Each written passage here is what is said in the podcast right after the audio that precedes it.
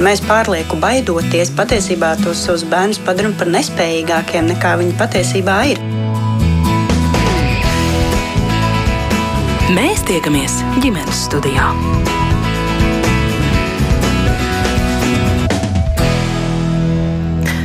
Labdien! ģimenes studija sāk savu skanējumu. Jūs sveicina šī radījuma producente Ilza Zvaigzne un es Agnese Linka.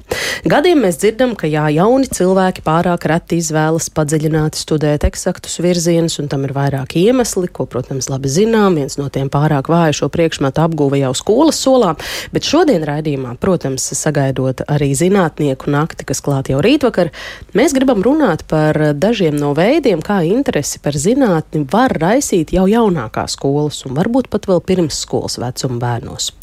Vai un kāda loma šajā procesā ir arī zinātnes centriem, arī par to nedaudz vēlāk šodien ģimenes studijā, bet sarunu vispirms es iesākšu ar Rīgas Tehniskās Universitātes attīstības prorektoru Artūru Zēpu. Labdien! Esiet sveicināti. Un arī zinātnes skolas laba, laboratoriju dibinātājs un vadītājs Mārtiņš Gulbs kopā ar mums ģimenes studijā. Šodien labdien! Labdien visiem! Un kā Aleži, jūs klausītāji esat laipni aicināti pievienoties mums šai sarunā, ja ir kas eh, sakāms. Mēs gaidīsim jūsu komentārus, viedokļus, pieredzi. Piemēram, ja esat kopā ar bērniem pēdējā laikā apmeklējuši kādu zinātnes centru vai tam līdzīgas vietas Latvijā, ārpus tās, atrakstiet par iespējām, bet, protams, varat komentēt arī citus aspektus, kas parādīsies šai sarunā. Kā vienmēr ģimenes studijā jāraksta no Latvijas eh, radio mājaslapas. Vispirms par aktuālu notikumu. Zinātnieku nakts rītvakar, 30. septembrī. Kas ir tas, kāpēc šis pasākums uh, tiek organizēts, un vai auditorija varētu būt arī ģimenes ar lielākiem vai mazākiem bērniem? Kā jūs to definējat, Artur? Jā, pilnīgi noteikti. Es domāju, ka tā auditorija ir ģimenes ar lielākiem un mazākiem bērniem. Un tā ir lieliska iespēja pašiem savām acīm redzēt, varbūt tās ne tikai izglītības iestādes, bet kaut ko nedaudz vairāk, nedaudz aiz, to, uh, aiz slēgtām durvīm parasti stāvošās lietas, un pašiem kaut ko praktiski pamēģināt. Tāpēc aicinātu ikvienu. Izmantot šo iespēju un rīta laika posmā no 6 līdz 10 vakarā ierasties un izmantot iespēju tam, ko sniedz šīs zinātnieku nakts. Jo, teiksim, tā zinātnieku nakts tas ir tāds zinātnes izpētīšana pašiem praktiski darbojoties, apmeklējot fakultātes un citas institūcijas, kurās varbūt tās ikdienā nav iespējams tikt iekšā. Mhm. -huh. Kur tad no 6 līdz 10 varam nākt? Un ko mēs tur varēsim Jā, redzēt? Nu, kāds ir tas piedāvājums? Rīgas Tehniskās Universitātes gadījumā es teiktu, ka tā ir Ķīpsela, mūsu Ķīpsela studentu pilsētiņa, vairākas fakultāšu ēkas, kuras jūs redzēsiet uz vietas, dažādas laboratorijas, kas būs atvērtas. Tātad, attiecīgi, atliek tikai pārbraukt pāri Vanšu tiltam un doties mūsu Ķīpsela studentu pilsētiņu.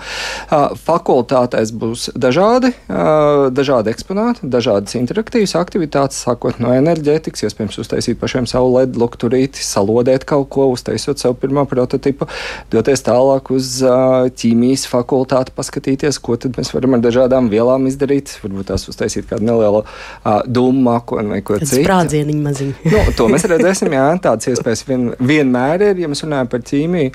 Un, protams, arī dažādās citās fakultātēs izvietotas iespējas, piemēram, aiziet uz arhitektūras fakultātē izvietot, izveidoto zinātnes inovāciju centru un dizaina fabriku, paskatīties, kā to prototipu, kādā veidā bērni un skolēni var izmantot tās savas zināšanas, ķīmiju un fiziku, tam, lai radītu kaut kādu jaunu produktu. Mm -hmm. nu, jā, es uzreiz tā pilnīgi personīgi domāju par šo, un man interesē jautājums, cik būtu tas apakšējais vecums liekas. Kāda vecuma bērniem šis varētu būt domāts, interesanti, saprotami? Es domāju, ka šajā gadījumā mēs nevaram teikt, ka tur, ja jums ir trīsgadīgs bērns, tur noteikti nedrīkst nē, nākt. Nē, tā noteikti nē. Es gribētu teikt, ka šajā brīdī katrs uh, vecāks ar bērnu atradīs kaut ko sevi interesantu. Iespējams, dažās fakultātēs, kur mēs runāsim par kādiem lodāmuriem un tādām lietām, kur praktiski viņi gribēs apsēsties, nu, tur jā, varētu būt mēs sagaidīt kāds nedaudz vecāks skolēns. Apdedzināties neļausim. Jā, jā. Bet, bet jebkurā gadījumā lielākā daļa no, ir domāta tam, lai varētu iepazīt, iepazīt, redzēt vidi, saprast, kādā veidā tas darbojas. Un es pat teiktu, es pieļauju tiem jaunākiem bērniem, iespējams, tāda ķīmijas eksperimenta vai kaut kas tāds būs krietni vien interesantāk.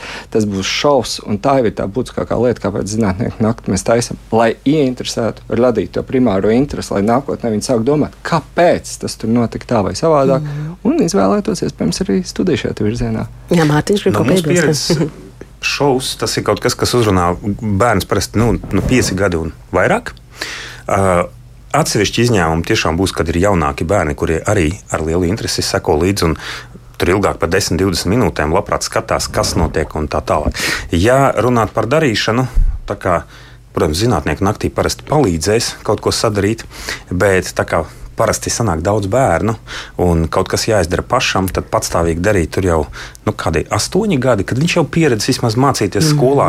Kaut ko, kad es varu izdarīt pats, un ja man kaut kas jauns nesanāk, es vienalga varu turpināt darīt un izdarīt. Mm -hmm. ja, un šeit ļoti interesants moments ir tas, kad uh, palasot, teiksim, zinātnieki, kur ir kļuvuši. Uh, savā dzīvē un ievērojami cilvēki, pajautājot, kurā brīdī viņi ir ieguvuši iedvesmu, uh, tad tiešām var atrast, ka tie ir 4 gadi, 5 gadi, 6 gadi. Viņš, man māma toreiz aizveda uz observatoriju, es ieraudzīju teleskopu, zvaigznes, wow, un, un skaties, un tagad cilvēks ir astronauts. Mm -hmm, un sāku par to interesēties padziļināti. Jā, tā kā tā dzirkstele tiešām var būt pat pirmskolas vecumā. Mm -hmm. Un zinātnieku naktis šajā ziņā ļoti, ļoti vērtīgs mm -hmm. rīks. Mm -hmm. Un droši vien, ka tie, kuriem eh, mājās pusauģi, lieli pusauģi, varbūt var teikt jau jaunieši, arī tie ir aicināti uz šo Viennozīmē. pasākumu citu iemeslu dēļ. es domāju, ka katrs radīs sev kaut ko piemērot, kas viņam būs tāds, kas radīs pievienoto vērtību. Mm -hmm. Drusku plašāk par šo runājot un um, domājot, ja es jums um, abiem vaicātu, kas jūsuprāt, jūsu skatījumā, nu, vēl, es nezinu, bez kāda pasākuma apmeklējuma, apmeklēšanas eh, ir tas, kas raisa, var raisīt bērnā interesi par eh, zinātnī, par dabas zinātņu procesiem, patiku pret eksaktajiem priekšmetiem, jo gatavojoties raidījumam, es pie sevis pārdomāju, ka mēs vecāki diezgan bieži savā prātā, nu, jau agrīni tā eh, stereotipizējam tos bērnus un saliekam pa plauktiņiem, nu, nu vai nu ir, vai nu nav dots, vai nu matemātiķis, vai vairāk mākslinieks, vai mans bērns jau tur humanitārā virzienā vairāk tendē iecerēts vai vispār būs sportists. Ja? Kā jūs teiktu, vai to var vai nevar ietekmēt? No savas puses, es domāju, ka, protams, ka katrs bērns ir individuāls jāņem vērā, ka tie motivatori katram no viņiem varētu būt savādāki. Bet tie galvenie virzieni droši vien jau ir vairāk vai mazāk vienādi. Ir, tā ir vai nu šī sākuma skola, skola tālākajā posmā, kas rada tādu vai savādāku interesi par noteiktiem mācību priekšmetiem. Vecāki, kuriem pilnīgi noteikti ir liela, liela ietekme, tā skaitā arī skatoties uz to, ko vecāki ar bērniem dara, kā viņi pavadīja savu brīvo laiku vai viņi izmanto iespējams tādas pašas aktivitātes kā zinātnieku nakti, vai viņi dodas uz kādu muzeju vai kur citur, kas attiecīgi rada šīs lietas. Uh, interesi par lietām, un, un trešā lieta varētu būt sabiedrība un noteikti cilvēki, nu, kas attiecīgi jūs redzat, ka Ilons Masks uzšāva raķeti gaisā, jūs lēnām sākat domāt, bērns sāk domāt, kas kā, kāpēc radās interesi no šīs sabiedrības, no aktualitātes un tam līdzīgām lietām. Tā kā, nu, man šķiet, ka šīs būtu tās lietas, kas lielākajai daļai veido. Mm, nu, jā, es, es šeit piebildīšu no manas pieredzes, tā kā mēs nemācāmies lineāri, bet ir tā, ka mēs mācāmies, mācāmies, un kaut ko tādu ah, - jā, es sapratu, ka kaut kādi tie atklāsmes brīži ir. Ja? Tad, protams, kas tieši varētu radīt bērnam to padziļināt to interesi vai atklāsmes brīdi. Nu, tik tiešām nav viens recepts, jo bērni ir dažādi. Bet no otras puses, kā reiz, ja mēs runājam par zinātnieku nakti, par zinātnes centriem, ja par kaut kādiem pasākumiem, kas varētu būt e, vēl rīkoti vai uzaicināt uz skolu kādi speciālisti, tad tas ir interesants moments, jo tieši tajā brīdī var notikt klikšķis. Viens no, viens no tiem priekšnosacījumiem klikšķiem ir tas, ka mēs dzīvojam fona režīmā, arī bērni parasti ir fons, un tad parādās kaut kas jauns, un tajā brīdī sāsinās uzmanība. Uh, un, attiecīgi, ja tā uzmanība ir sāsināta, tad uzreiz uztver, informācijas uztver lielāku, un tā, kas, ko, kā. Uh, pat ja iespējams kas saka, no dabas nav ar eksakto zinātni un bla, bla, tādā ziņā, bet uh, ir uzmanība tajā brīdī un iespējams ieslēdzās. Ja? Tāpēc uh, šajā gadījumā uh, nav tā, ka vienreiz aiziet uz zinātnieku nakti. Vai vienreiz uzaicināt uz skolu speciālistu, vai es nezinu, šovu kādu uztaisīt, ar to pietiks. Bet varbūt arī pietiks. Respektīvi, garantijas nav, bet klikšķa iespējamība. Jā, jā pastāv. un uh, faktiski, ja mēs skatāmies vispār uz mūsu dzīvi, kā cilvēku dzīvi, tad uh, mēs jau regulāri prognozējam, ka ok, kaut kāds notikums notiks ar noteiktu varbūtību. Ja, un, protams, mēs, jo, jo mēs vairāk virzam to varbūtību tuvāk uz 100%, jo tas notiek. Mm. Arī lielāka iespējamība. Mm. Par varbūtības virzīšanu uz 100%. Es gatavojoties šai sarunai, atradu kādu viedokļu rakstu jūsu, Artur, datētu ar 2018. gadu, kur pieminot tieši jaunākā vecuma bērnus, jūs uh, sakāt, lai jauniešus ieinteresētu eksaktajās zinātnēs, viņus jau no mazotnes nepieciešams iesaistīt attiecīga satura ārpus skolas um, nodarbībās un tālāk um, aprakstāt to veidu, kādā RTU ar šo darbosies. Ko jums ir izdevies panākt, paveikt šajā jomā, runājot tieši par interešu izglītību? Uh mhm. -huh. Es gribētu teikt, ka, protams, ka no Rīgas Tehniskās universitātes puses mums ir kāda lielāka mēs skatāmies par nākotni, bet ir arī noteikti, noteiktas lietas, ko mēs jau šobrīd darām. Un viens no tādiem mūsu, manuprāt, nozīmīgiem projektiem ir Bērnu jauniešu universitāte kur mēs esam izveidojuši un piedāvājam interešu izglītības aktivitātes bērniem no 2. līdz 9. klasē, kuras ietvaros ir iespējams tiešām praktiskā veidā iepazīt dažādas šīs zinātnes un saprast, nu, kādā veidā tad varbūt tās strādā viena vai otra lieta, kādā veidā mehānismi veidojas un tam līdzīgi. Un tā būtiskā lieta ir tāda, ka uh, mums ir izdevies šos interešu izglītību izveidot gan tās Rīgā, gan arī vairākās pašvaldībās pierīgā. Ogrāda, Babīta, tās vietas, kas ir atsaukušās un izveidojušas savus šos centrus. Mēs redzam, ka pieprasījums ir ļoti liels, un tā ir tā lieta, nu, kas tādā praktiskā veidā notiekās. Bet viennozīmīgi mēs redzam no universitātes puses to būtisku jautājumu par šī koncepta vai tādu STEM un interešu izglītības eh, tehniskajā jomā ar vien lielāku un plašāku virzību un diskusijas veidošanu sabiedrībā. Tā kā es teiktu, viena lieta, ko mēs varam paši darīt, Otra lieta, skatoties uz to, kas notiek citās valstīs, mēs redzam mūsu atbildību par tādas diskusijas veidošanu un pēc iespējas vairāk partneru iesaisti. Tas ir arī pamats tam, kāpēc mēs nākotnē skatāmies un paši plānojam veidot šādu zinātnīs mm. centru. Un kas, un, un kas ir nepieciešams, lai, kā jūs sakāt, tā interešu izglītības un uh, STEM uh, saplūsme ietu plašumā? Uh, Tur ir vairāki elementi. Pirmkārt, es domāju, ir jāsaprot eh, dažādas šīs iesaistītās puses. Es gribētu teikt, ka Latvijā patiesībā nav nemaz tik slikti. Nu, tas pats laboratorijums, ko Mārtiņš šeit pārstāv, citas eh, institūcijas, tie paši arī zinātnīs centri, kas eh, veidojas šobrīd visā Latvijā.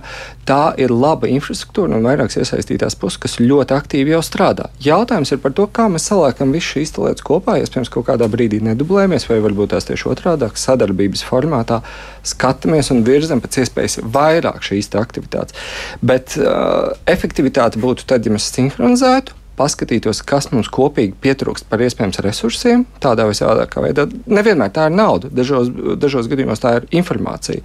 Un tad jau strādā tālāk gan ar sabiedriskajiem mēdījiem, gan arī iespējams ar valsts pusi, kas var nodrošināt tādu vai savādāku atbalstu finanšu veidā. Mm -hmm. Lai pāriet pie Mārtiņa izvaicāšanas, man vēl viens eh, jautājums jums, vai, nu, protams, uzvedinošs vai uh, skolās, un ja mēs runājam kaut vai par galvaspilsētas vai pierīgas eh, skolām, ir pietiekams šo mm, šī lauka STEM inženierzinātņu virzienā tieši interešu izglītības piedāvājums, jo aktivitātes centri, uh, privātas iniciatīvas, tas vienmēr būs kaut kas, ko var atļauties daļa, un tie, kuri var aizvest, un tie, kas ir motivētie vecāki un tam līdzīgi. Bet, lai tas būtu plaši un visaptveroši, vai mūsu skolās, un varbūt ne par Rīgu runājot, varbūt tiešām par visu Latviju, tas ir pieejami visiem. Šobrīd. Es gribētu teikt, ka piedāvājums ir liels, bet joprojām nepietiekams. Kāpēc? Tāpēc, ka, ja mēs paskatāmies arī statistiku, mēs redzam, ka interešu izglītībā, kas saistās ar inženierzinātnēm un tehniskajām uh, zinātnēm, tikai 5% no jauniešiem, kas vispār šajos te,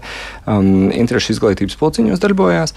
Bet otra lieta, kas ir būtiska, mēs redzam, ka pat tajos mūsu Rīgas un Pierīgas uh, centros, kur mēs īstenojam mūsu bērnu jauniešu universitātes aktivitātes, tas pieprasījums stipri pārsniedz to mūsu iespēju realizēt. Kā rezultātā es domāju, ka atbilde ir nē, nav pietiekams. Mm -hmm. Viņš ir liels, bet ir iespēja attīstīties. Un pavisam īsies jautāt par iemesliem, kāpēc nevarat apmierināt pieprasījumu. Kas ir tie izaicinājumi, kas ir tas tie šķēršļi? Es domāju, ka tur ir jāskatās no vairākām lietām. Viens ir pedagoģi un cilvēki, kas varētu nodrošināt šo interešu izglītību. Otrs, protams, jautājums ir par izmaksām, kurš tad attiecīgi seks. Tie būs vecāki, pašvaldība, universitātes vai kāds cits. Nu, un arī, nu, piemēram, infrastruktūras jautājumu, kurā vietā mm. tad mēs veidosim šīs lietas. Vai tā būs skola, vai viņi atļaus vai, šo aktivitāti īstenot, cik pašvaldība būs atvērta. Nu, es teikšu tā, pašvaldības atvērtības jautājums ir ļoti būtisks tam, lai tiešām šāda interešu interešu izglītības centra veidojas. Man ir liels prieks par to tā, um, uh, pašvaldībām, ar kurām mēs šobrīd esam izveidojuši sadarbību, jo es redzu, nu, kādā veidā tas strādā, ja pašvaldības ir atvērtas. Mm -hmm. Liekas, ka varētu vēl jautāt, un jautāt, bet tiešām gribas arī Mārtiņam dot, tā, dot vārdu. Nu, ja ar inženierzinātnēm saistīto pulciņu piedāvājums būtu pietiekams, tad droši vien nerastos tādas zinātnes skolas kā laboratorija, ko esat jūs izveidojis. Un, kā jūs nonācāt vispār pie šīs idejas?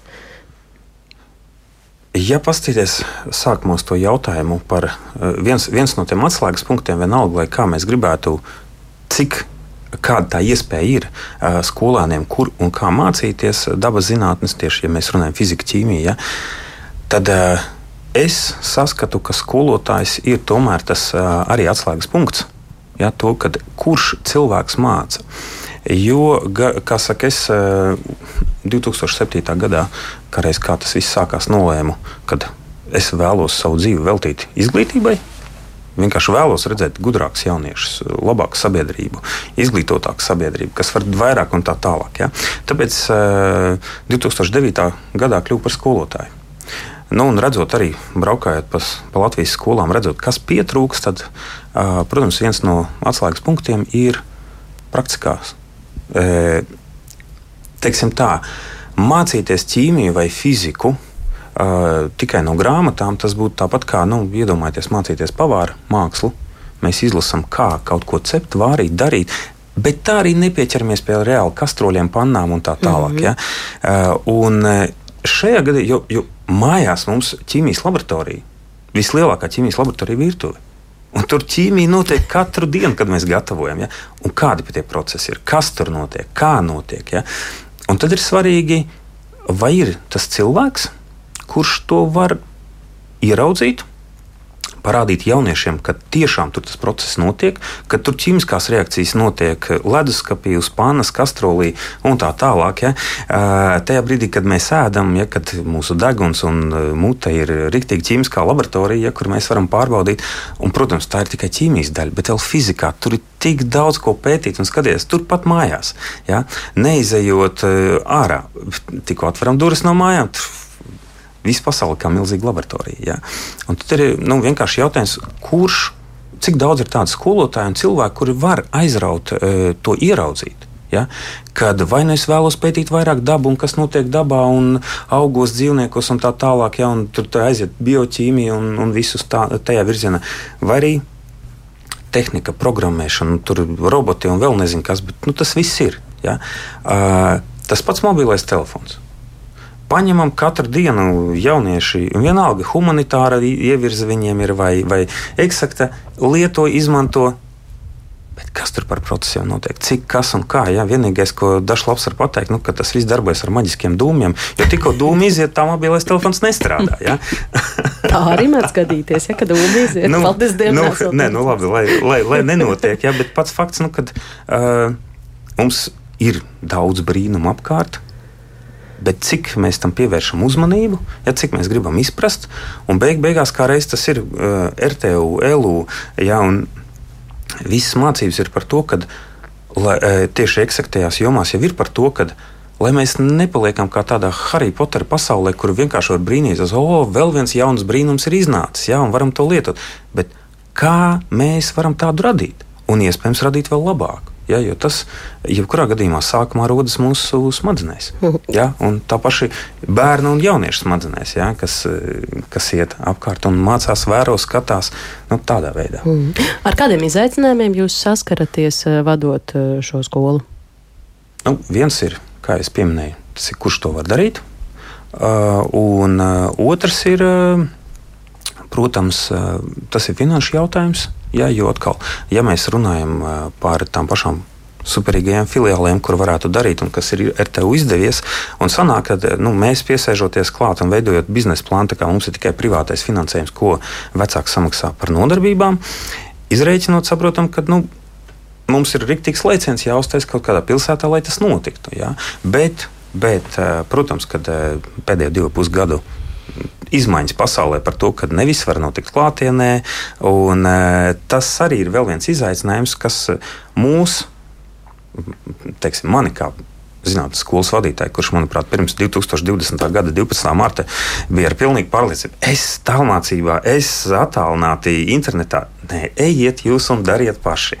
Es eh, palieku, man ir svarīgi tas eh, skolēna, teiksim tā, emerž immersion, jā, ir angļu valodā, kā iedziļināšanās tajā visā, iesaistīšana maņas, ne tikai dzirde, redze, bet ka var pataustīt, ka var izdarīt, ka var, nezinu, pasmaržot, ja tur tiešām kaut kas smaržo, jā, un, un nu, pagaršot, tas attiecas uz virtuvi, jā, vai atsevišķām nodarbībām, bet arī tā, tas, jā, un te nevar. Bet šobrīd mēs no situācijas esam izgājuši tādā veidā, ka mums notiek nodarbības visā Latvijā.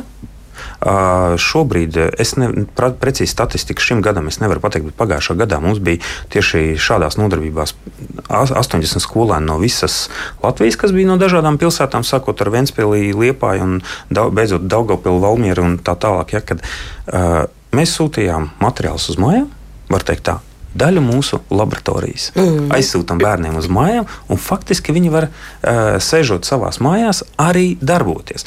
Protams, tas nav tas ideālais variants, kad skolēns uh, iet jaunā vidē un, un viņam sāsnās tā uzmanība. Es gribu redzēt, kas un kā tas būtu zinātnīs centrā vai kaut kādā teiksim, pulciņā, kur viņam reizi nedēļā notiek vai kaut kas tāds. Ja. Tas notiek mājās, viņa vietā, kur viņš ir pieredzējis. Ja. Un, ja skatīties tieši no mācīšanās viedokļa, kā Džims Kviks, viens no smadzeņu un mācīšanās eh, virziena pētniekiem. Eh, ļoti svarīga ir vide, kur mēs mācāmies vai darām kaut kādas lietas, un tad attiecīgi tas ietekmē uh, mūs kā cilvēks. Ja? Mēs parasti kā skolotāji runājam, tur dzer, dzirde, redzē, kinestētika, ja? bet vēl vide, kur tas notiek. Ja?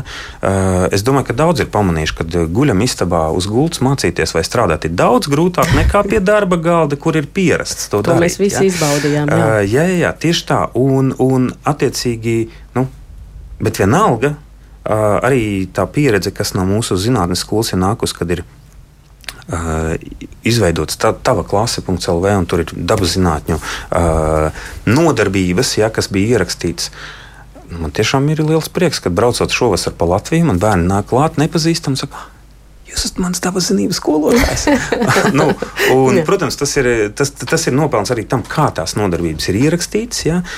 un ka tas spēj atstāt to iedvesmu. Un pats svarīgākais šajā visā ir, ir grūti mācīties tās lietas, kas neinteresē. Un tieši tādēļ pirmais solis, lai varētu, lai gribētu pilnīgi tā, ka es gribu mācīties līdz olimpiāžu līmenim valstī, starptautiskā līmenī, un tā tā, pirmais ir interese. Jā. Un tad aiziet viss tālāk. Un tad tieši interešu izglītība, jā, zinātnes centri, zinātnieku nakts, tas viss var iedot to pirmo svarīgo soli tam ceļojumam, kas ir milzīgs un tāls, bet tas pirmais solis ir jābūt. Mhm. Un atkal gribas man jautāt par to intereses eh, rašanos vai radīšanu. Nu, teiksim, gan bērnu universitātē, gan arī laboratorijā es eh, paskatījos no otrās klases vecuma. Jūs eh, jau sākat strādāt ar bērniem. Tie ir astoņgadīgi bērni, uh mhm. -huh. kas šķiet diezgan maz vēl priekš eksaktajiem priekšmetiem un inženierzinātnē. Vai visiem izdodas radīt to interesi visos tajos bērnos, jo astoņgadnieks, nu, būsim godīgi, ir tāds nevis pats, es tur dikti gribu fiziku vai ķīmiju, tagad padziļināt, apgūt, iet uz pulciņu, bet tie tomēr ir vecāki, kas ierosina, hei, tev vajag to pamēģināt. Nevienmēr vecāki, arī dažkārt bērni.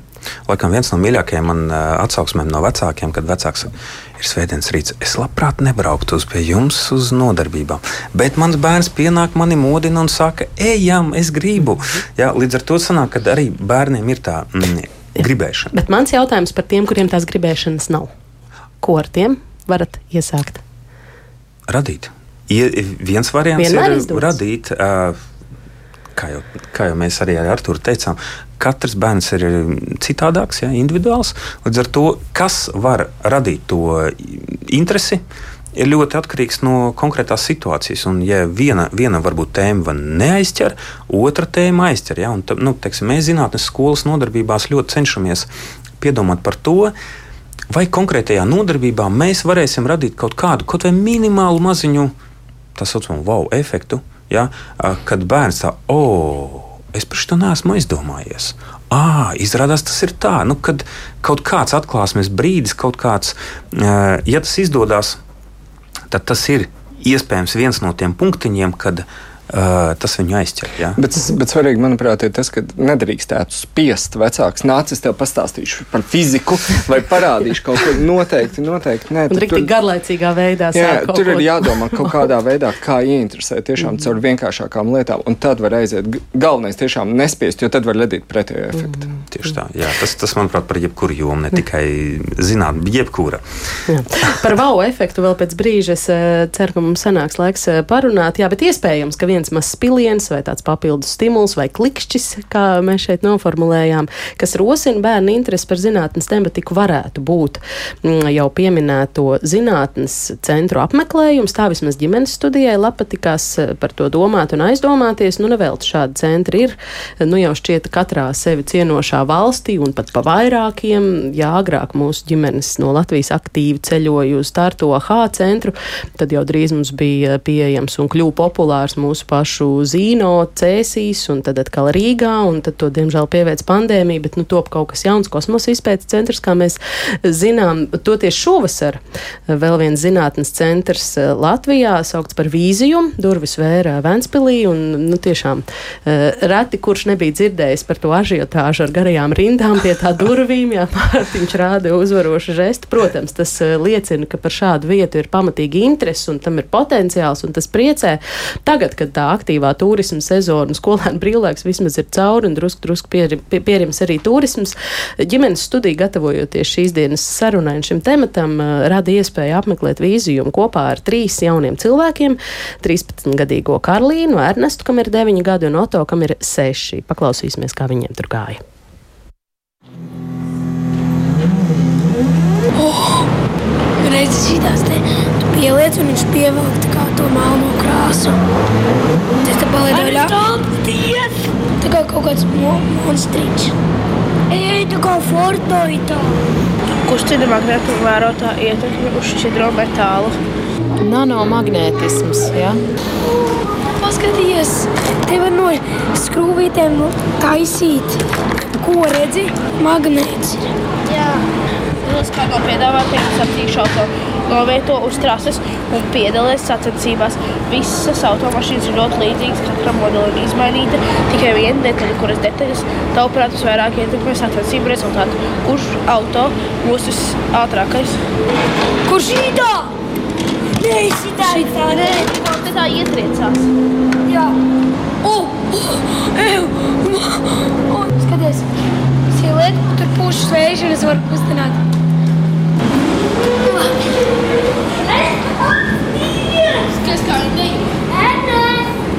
Redzi, te ir tā kā iekrīt pilīte, tu vari palēnināt, un pašā lēnākajā iekrīt pilīte un izkrīt ārā.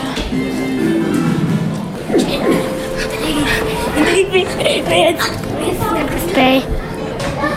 Tāds sajūta kā kosmosā. Tā kā kosmosā mazliet. Digitālais visums lēkā pa mīksto visuma virsmu meklē trīs pogas, kuras izmantojot varēs iepazīt visuma fenomenu. Lāzeru labirints, izēja labirintu un nepieskaroties šķēršļiem. Nevar vakt to labāk. Vajag. Rekur pirmais lāzers. Lienam cauri.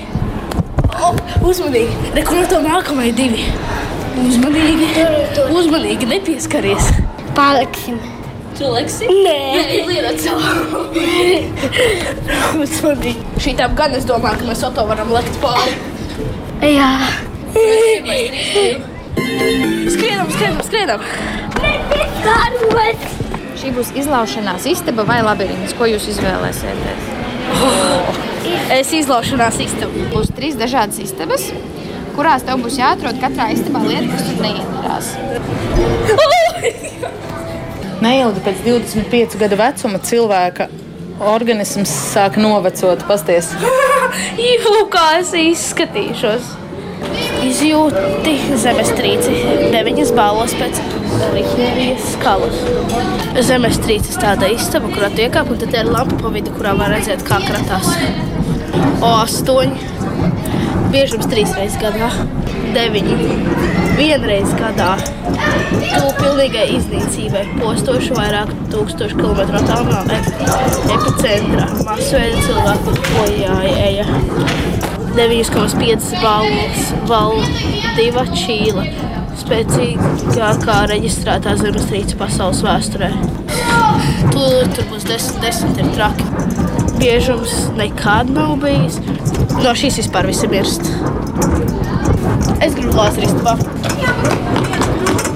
Nu, ko esam ārā? Kas tad patika vislabāk no zinātnes centrā redzētā? Man patika vislabāk iet labirintu, escape room. Kādu labirintu? Kur jāuzliek brīles, tās 3D brīles simulācijas, un vajadzēja atrast dažādas vietas labirintā, piemēram. Tad man patika tur, kur varēja zīmēt. Ar ko? Tāpat kā simulācijas, tādas brīles un arī tādas nūjiņas, ar kurām var zīmēt. Tad man vēl patika ļoti, tur, ko varēja uzspiest pogu skriet, un tad cik ātrā laikā tu vari noskriet tur noteiktu gabalu. Nu, viss bija ļoti forši, man viss patika.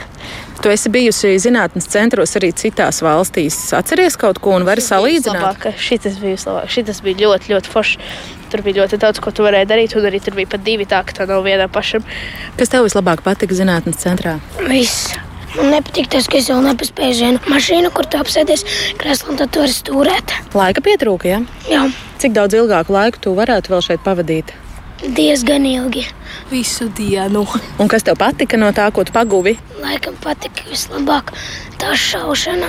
Nu, tur, kur bija jāšauj kaut kādi tie zvēriņi. Kā tas bija? Paņēma kaut kādu pistolīti plasmasas un tad šāva kaut kādus ķēmiņus, kas tur bija. Tam man patika lāzera istaba, kur bija jāizvērās no lāzeriem. Man arī ļoti patika tur, kur tu jāvelk sevi augšā. Ja tu sēdi un tā kā te ir virve, pa kuru tu velc augšā. Tu vēl tā, kad bija nu, uzgrieznīši, un tad tu viņus varēja tā likt, jo tur bija tas magnēts, viņi nekrita lejā. Kas tev auto vislabāk patika? Tas lāzeris, tur, kur jāšauj tie ķēmiņi, un kur tu vari skriet, un viņš nomēr, cik tu skrien. Un es noskrēju divās sekundēs. Un tas skrūvītis patika, kurus varēja likt. Un man nepatika tā virve, kur jāiet. Kāpēc? Nu, jo tur es kristu nost. Kristu vai tu izmēģināji un nokriti? Es pagāju un otru solīti un uzreiz nokritu. Kā tev liekas, par kādām tēmām te var mācīties? Pa magnētiem daudz ko, pa ātrumu, kādas lietas mainās mašīnās un kas tam traucē, kaut kas tam līdzīgs. Tur varēja arī redzēt, kā skaņa, tā kā tur smiltis un ieslēdzot skaņu, kā tur viņas tur trīc un viss kaut kas. Vēl par to, kā magnēts sajiet ar citu kopā, kas tur ierobežo maina visādas lietas. Te var vairāk saprast, ka es varu pats sevi pacelt. Varu uzzināt, cik tu vari ātri paskriet, cik augstu var uzlikt, cik ātri var pamīties. Oto, ko te varēja iemācīties? Kad tas skrūvītis, ja tu liec vienu uz otru, tad otra nekrīt, kas ir augšā.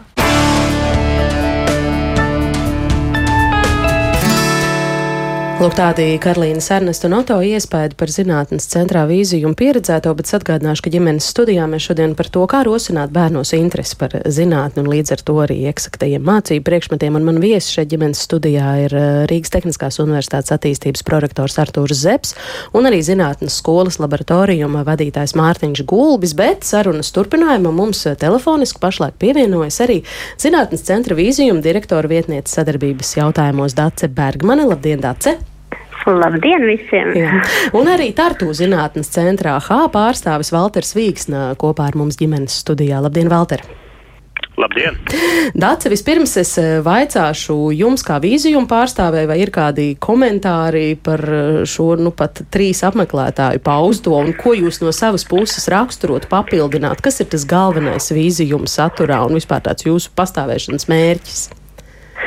Nu, šobrīd noteikti mēs priecājamies jebkuru bērnu šo pozitīvajām emocijām, un tas mums ir kā medus maize savam darbam, ka mēs redzam, ka tas darbs, kas ir ieguldīts, sagādā prieku bērniem. Un vēl lielāks prieks, ka viņi redz kādas kopsakarības, ka, ko var izmantot mācību procesā, ko viņi uzzina jaunu, un tas viss notiek ar e, eksponātu palīdzību, un viņiem ir interesanti.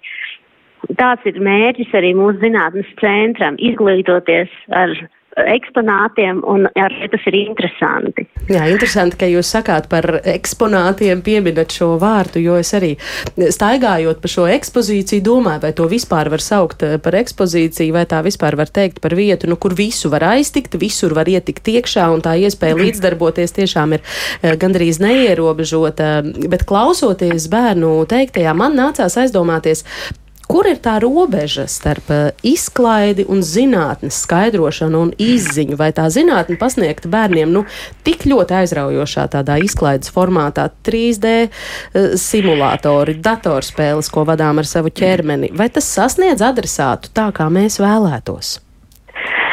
Uh. Par šo mēs arī eh, daudz domājam. Šobrīd, protams, kad esam jauni, visiem tas ir tā vairāk izklaide, bet dažreiz mēs speciāli ieejam zālē un uzdodam šādus āķīgos jautājumus. Kāpēc tas tā notika? Vai tu zini, kāpēc tas tā ir? Vai tu zini, kādu programmu var izmantot, lai tādu vidu uztaisītu? Un tad bērni dažreiz aizdomājas. Un, protams, mums arī ir mācību programmas, kas tieši tādiem mērķiem tiek veidotas, kas bērniem liek aizdomāties. Un tad viņi domā, jā, bet ja es šo te pamācīšos vairāk, es ar šādu varēšu uztaisīt vai izveidot vai uzprogrammēt. Un tas ir tas foršais tajā visā, ka mēs esam kā solīts uh, viņu vēlmē to darīt. Jā, ja aizbrauc uz uh, zinātnes centru ar ģimeni, tad uh, šķiet tos, kāpēc jautājumus uh, bērniem jāuzdod mammai un tētim, un mammai un tētim jāmāk arī atbildēt, vai ne? Vēlams. Protams, tas arī vecākiem ir izīst process, bet mums arī ir zāles darbinieki, kas ik pa brīdim pieiet, uzdod tos jautājumus, un tad, tad ir ļoti interesanti pavērot šais reakcijas, reakcijas gan vecākiem, gan bērniem. Nu jā, kā jau jūs minējāt, tad iespējams tas viens veids, kā akcentēt tieši izziņu pāri izklaidēji, ir tehnoloģija nodarbības. Un to piedāvājums pie jums ir tāds ļoti plašs. Mm, vai es pareizi saprotu, ka to galvenā mērķa auditorija tad ir tieši klases skolēni, kas grupās apmeklē centru? Pamatā jā, arī šobrīd mūsu zinātnes centrs čum un muģi no skolēnu grupām visas iespējamās mācību klases ir aizņemts un noslogotas apgūstot dažādas no mūsu piegā, piedāvātajām programmām, bet tas netraucē, nekad nav traucējis arī pieaugušo kompānijām vai dažādu projektu ietvaros vai uzņēmumi izvēlās tādu pašu programmu kā bērni un nāk apgūst tieši to pašu. Tā kā ierobežojumi arī mācīties nav ne bērniem, ne pieaugušiem. Nu, jā, jā, nē, es domāju par tādu pretnostatījumu, teiksim, klase un klases brauciens, vai skolas brauciens un ģimenes brauciens. Tas droši vien būs atšķirīgi šajā ziņā. Vīziju piedāvā arī, nu, man kā mammai šķiet ļoti vilinošas attālinātās nodarbības. Tie nosaukumi ir spēļu programmēšanas skola, spēļu izstrādes skola, 3D spēļu izveide, mm, projek programmēšanas projektu skola un mājaslapu izstrādes skola. Vai šīs ir mm, pieejamas tikai vēstures? Ventspils skolēniem, vai tajās ir eh, ļauts piedalīties arī interesantiem visā Latvijā, cik plaši tas ir pieejams? Jā, jūs pareizi arī noformulējat, ka tās ir attālinātās un līdz ar to šogad tā ir pirmo reizi mums ir iespēja, pateicoties arī šim Covid periodam, kad pasniedzēji uh, pārslēdzās un spēja pielāgoties apstākļiem, un mēs piedāvājam pirmo gadu visas Latvijas skolēniem visa gada garumā piedalīties šajos interešu izglītības pulciņos un apgūst šīs te programmas. Un mums par lielu prieku pieprasījums tiešām ir liels un ļoti ātri grupas iepildījās. Un nu, turpinām mācīties kopā ar šiem visiem Latvijas bērniem. Jā, tieši gribēju vaicāt, cik liels pieprasījums un, un kā šajās nodarbībās nokļūt. Tas nozīmē, ka šobrīd ir nokomplektēti jau dalībnieki. Ja? Jā, nu mācības jau pirmā nedēļa ir aizvadīta, un viņas turpināsies līdz pat maijam. Un katru nedēļu viena nodarbība tiešsaistē, kas ir 90 minūšu garumā, jau pa konkrēto tēmu, bērni mācās. Ja. Visbeidzot, atstās jūsu slavenās rindas, vai tagad rudenī arī joprojām gadās, ka cilvēki uz vīziju stāv rindā? Nu, skolēnu grupām ir tā, ka darba dienās ir ļoti, ļoti daudz skolēnu brauc mums pilns stāvokums ir ar autobusiem. Viņi jau ir vietu rezervējuši un viņiem rindā nav jāstāv. Ja, bet brīvdienās brauc ģimenes un uh, kompānijas pašu privātā kārtā tie gan stāv rindās, bet nē, vairs nav tādas rindas, kādas mums bija vasarā. Veiksmi darbā vēlēšu jums un teikšu paldies eh, par sarunu ģimenes studijā zinātnes centra vīzijuma direktora vietniecē sadarbības jautājumos Dacē Bergmanai. Paldies! Eh, šobrīd vērsīšos pie Tartu zinātnes centra AHA pārstāvja Valtera eh, Vīgsnes. Valter, labdien! Labdien, labdien. Vēlreiz, kā tas nākas, ka Igauņu zinātnes centram ir savs pārstāvis latviski runājošs? À, nu, tur ir gara vēsture. Uh, AHA zinātnes centrā latvieši sastāda dažkārt pat 50% no apmeklētājiem. Tāpēc Igauni arī ieinteresēti, ka mums ir latviski runājuši darbinieki. Jā, redz, kā gribējās, lai jūs to izstāstat. Vai jūtat, ka, piemēram, tāds vīzijums rada jums tagad konkurenci nu, uz apmeklētājiem mm. attiecībā uz apmeklētājiem no Latvijas? Noteikti nē. Arī mani priekšnieki, mani igauņu kungi galīgi neredz to kā konkurenci. Tas ir, um, kā lai izskaidro, mēs strādājam tajā pašā sfērā, bet, nu, cilvēku pietiek. Jā. Tas galīgi nav tā, ka viens ņemot nost otram. Sapratām. Arī AHA centrs es šodien rakstīju jūsu nosaukumu Google, un pirmais teikums, kas izlec izklaidējošākais zinātnes centrs Baltijā. Kas ir tie jūsu akcenti? Un, ja es jums jautātu to pašu, ko Dacei, nu, kā jums šķiet, cik daudz ir to, kas aizdomājas arī ja pēc uh, zinātnes centra apmeklējuma, nu, kas tam lācītim tomēr vēderā? Kā tas darbojas tā vai šitā no tāda zinātnes viedokļa? Uh, jā, tad uh, atrast, kur ir tas galvenais starp izklaidi un tieši zinātnes mācīšanos, protams, tas ir diezgan grūts jautājums. Tas atkarīgs no katra cilvēka.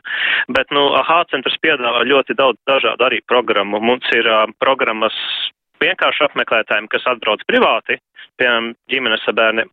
Mums piedāvājam viņam arī zinātnes teātrus, planetārie šovus, atvērtās darbnīcas. Un tad mums arī speciāli programmas tieši skolā. Uh, diemžēl tas, kas tas ir piedāvājums tieši Igaunijas skolām, Igaunijas bērniem, tāpēc latviešu bērni par to maz zinās. Bet mums ir jāspeciāli programmas, kas strādā tieši ar skolu klasi. Viņas atbrauc pie mums, piemēram, septītā klase no vidusskolas. Un četras stundas viņi dzīvojas pie mums AHA centrā un mācās kādu specifisku tēmu, piemēram, par elektrību vai fiziku vai ķīmiju vai cilvēku anatomiju. Un tā šajā gadījumā tur ir nedaudz jau vairāk uzsvars uz zinātni tieši. Tad tas no jūsu profesionālajām pozīcijām raugoties ir tas veids, kā pievērst jau pavisam jaunu auditoriju arī e, šādai te vēlmei zinātnes procesu izprast padziļināt, nevis tikai paspēlēties vai pajokoties un labi pavadīt laiku. Tieši tā. Nu, pa spēlēšanos un pajokošanos tur ir tā interesantā lieta, ka, ja nav intereses, tad nebūs nekā. Tāpēc, nu, vajag bērniem radīt to interesi par to zinātni, par to fiziku, par ķīmiju, lai, lai viņi neredz to tikai kā burtus grāmatā melns uz baltu, viņi, viņi redz tiešām eksperimentus, viņi redz to interesanto skatu arī uz to visu. Mums, piemēram, šīs programmas ir arī maziem bērniem, kuri vēl ir bērnu dārsos. Mums pat tik maziņiem arī uztaisītas jau programmas ir, lai viņi arī redz. Viņiem tiešām sanāk vairāk spēlēšanās tieši mūsu centrā, bet tik un tā viņi kaut kādas pamatnostādes jau arī sāk redzēt. Un kā tās programmas tiem pavisam mazajiem ir veidotas, ja tā īsies jūs lūgtu paraksturot? Um, Tātad šīs programmas izveido mūsu AHA centra darbinieki, bet, protams, tas ir sadarbībā ar Igaunijas izglītības ministriju. Mēs viņas izveidojam, bet, nu, izglītības ministrijas pārstāvji viņas arī pārskata un dod tā kā akceptu. Un tur ir dažādas tēmas. Mums ir apmēram desmit gabali šādu programmu. Tur ir katra at, atkarīgā no klasēm. Tur ir septītās, devītās klases, galīgi mazi bērni. Un iet tā kā no vidusskolas līdz sākuma skolēm, pat bērnu dārziem uz leju. Un tās tēmas arī, protams, ir, nu, konkrēti tam vecumam. Ma maziņiem bērniem nemācīs par bioloģiju un fiziku, viņiem nedaudz vienkāršāk. Viņiem būs, piemēram, mums ir speciāla programma pa ūdeni. Viņiem rāda pa ledu, pa, piemēram, pa agregātu stāvokļiem, pa cietu ūdeni, gāzveida stāvokli, šķidrā veidā. Rāda viņiem eksperimentiņus ar tā, tāda veida izmantoju tāda veida eksperimentus, piemēram, lai, lai nav tik sarežģīti, bet lai arī vai bērni nedaudz saprast, kā strādā tieši daba. Tā, jā. Pa, pagūglējot eh, par zinātnes centriem Igaunijā vispār, es sapratu, ka jums arī Tallinā ir eh, šāda veida iestādes. Jums ir kaut kā sadalīta tā specifika un ietekmes sfēras. ietekmes sfēras. Uh, Tallinā ir protocentrs, kas ir gan nedaudz savādāk. AHA centrs tieši domāts vairāk tieši skolām. Viņu izstrādāja AHA centru oriģināli Tātad viņam ir trīs īpašnieki, viņam ir Tartu pašvaldībā, Tartu universitāte un Igaunijas valsts. Un tad viņi arī dalās to, kā teikt, ietekmi. Viņi vairāk tieši koncentrējas uz skolām AHA centrā, kā arī uz privāto. Un Tallinas kolēģiem, ja tā vienā teikumā raksturot, kāda tā specifika? Um, man tagad no galvas būs jāsaka, man liekas, viņam vairāk tieši uz privāto sfēru ir. Mm. Labi, paldies arī eh, Tartu zinātnes centrā pārstāvim eh, Valteram Vīksnam. Varbūt jums šeit eh, studijā klausoties kādas īsas replikas, kādi komentāri man, par kolēģi teikto? Ir divas, divas lietas.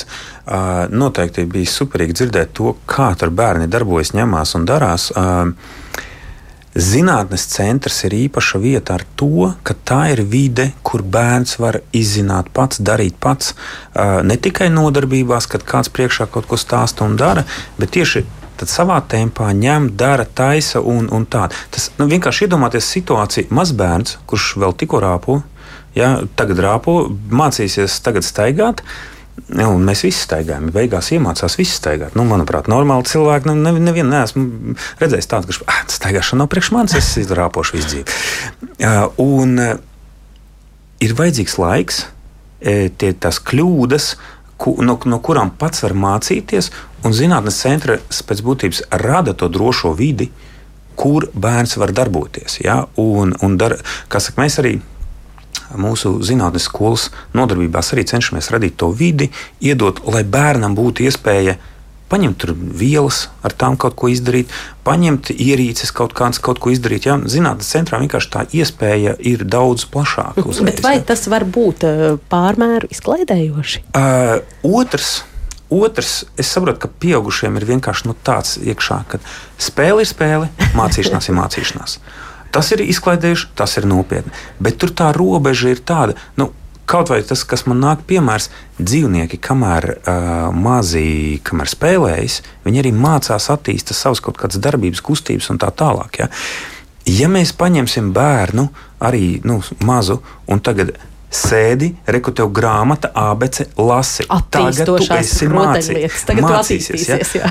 Bet, ja viņam paņem kaut kādu un sāk lasīt dzējuļus, pasakas, vēl kaut ko, ar viņu tur pasmējās, pajoko, tas uh, interesanti ir tas, ja, ma, ja šādā veidā mācību procesā tiek iesaistīts emocijas, kas ir, nu, milzīga atslēga, lai atvērtu prātu.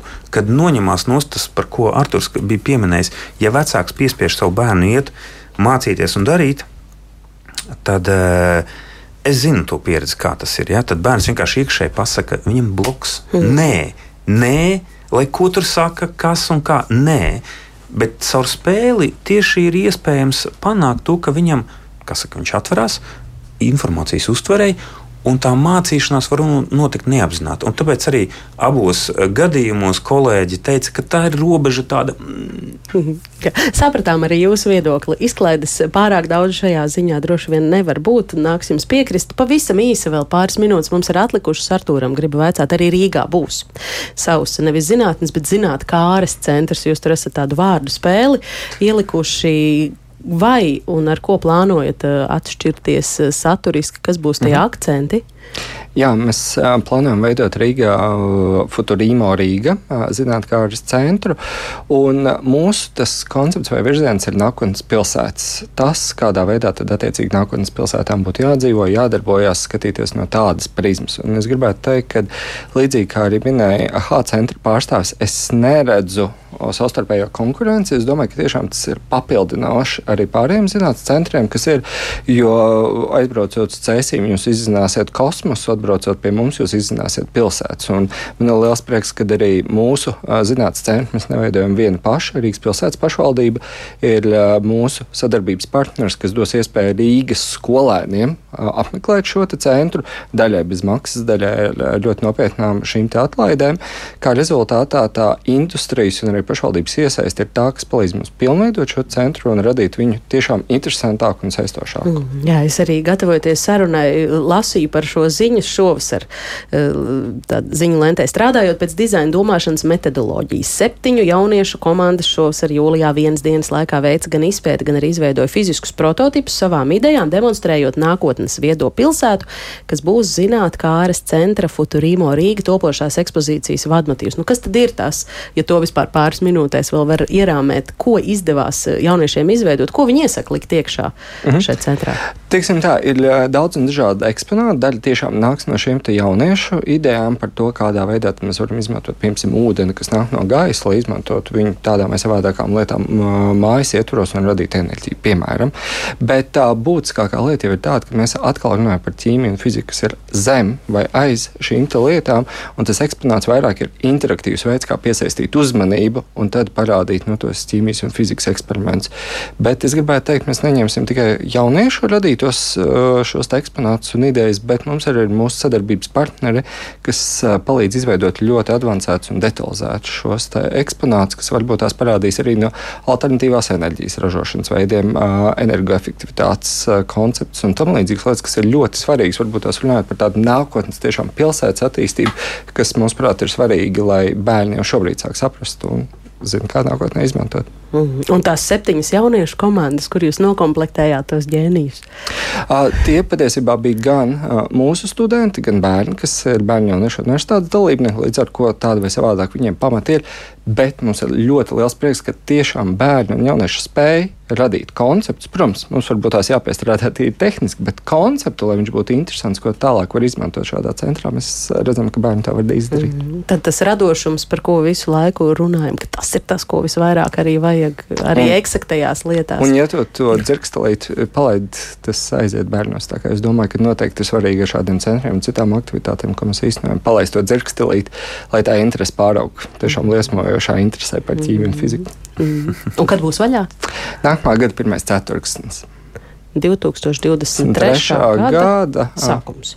Tas jau ir trīs. Diezgan. Brīnišķīgi. Gaidīsim, iesim skatīt, vai ne, Mārtiņ? Protams, protams. protams. Un paldies par sarunu ģimenes studijā. Es eh, šodien teikšu zinātnes skolas laboratoriju dibinātājiem un vadītājiem Mārtiņam Gulbim un arī Rīgas Tehniskās universitātes attīstības prorektoram Artūram Zepam.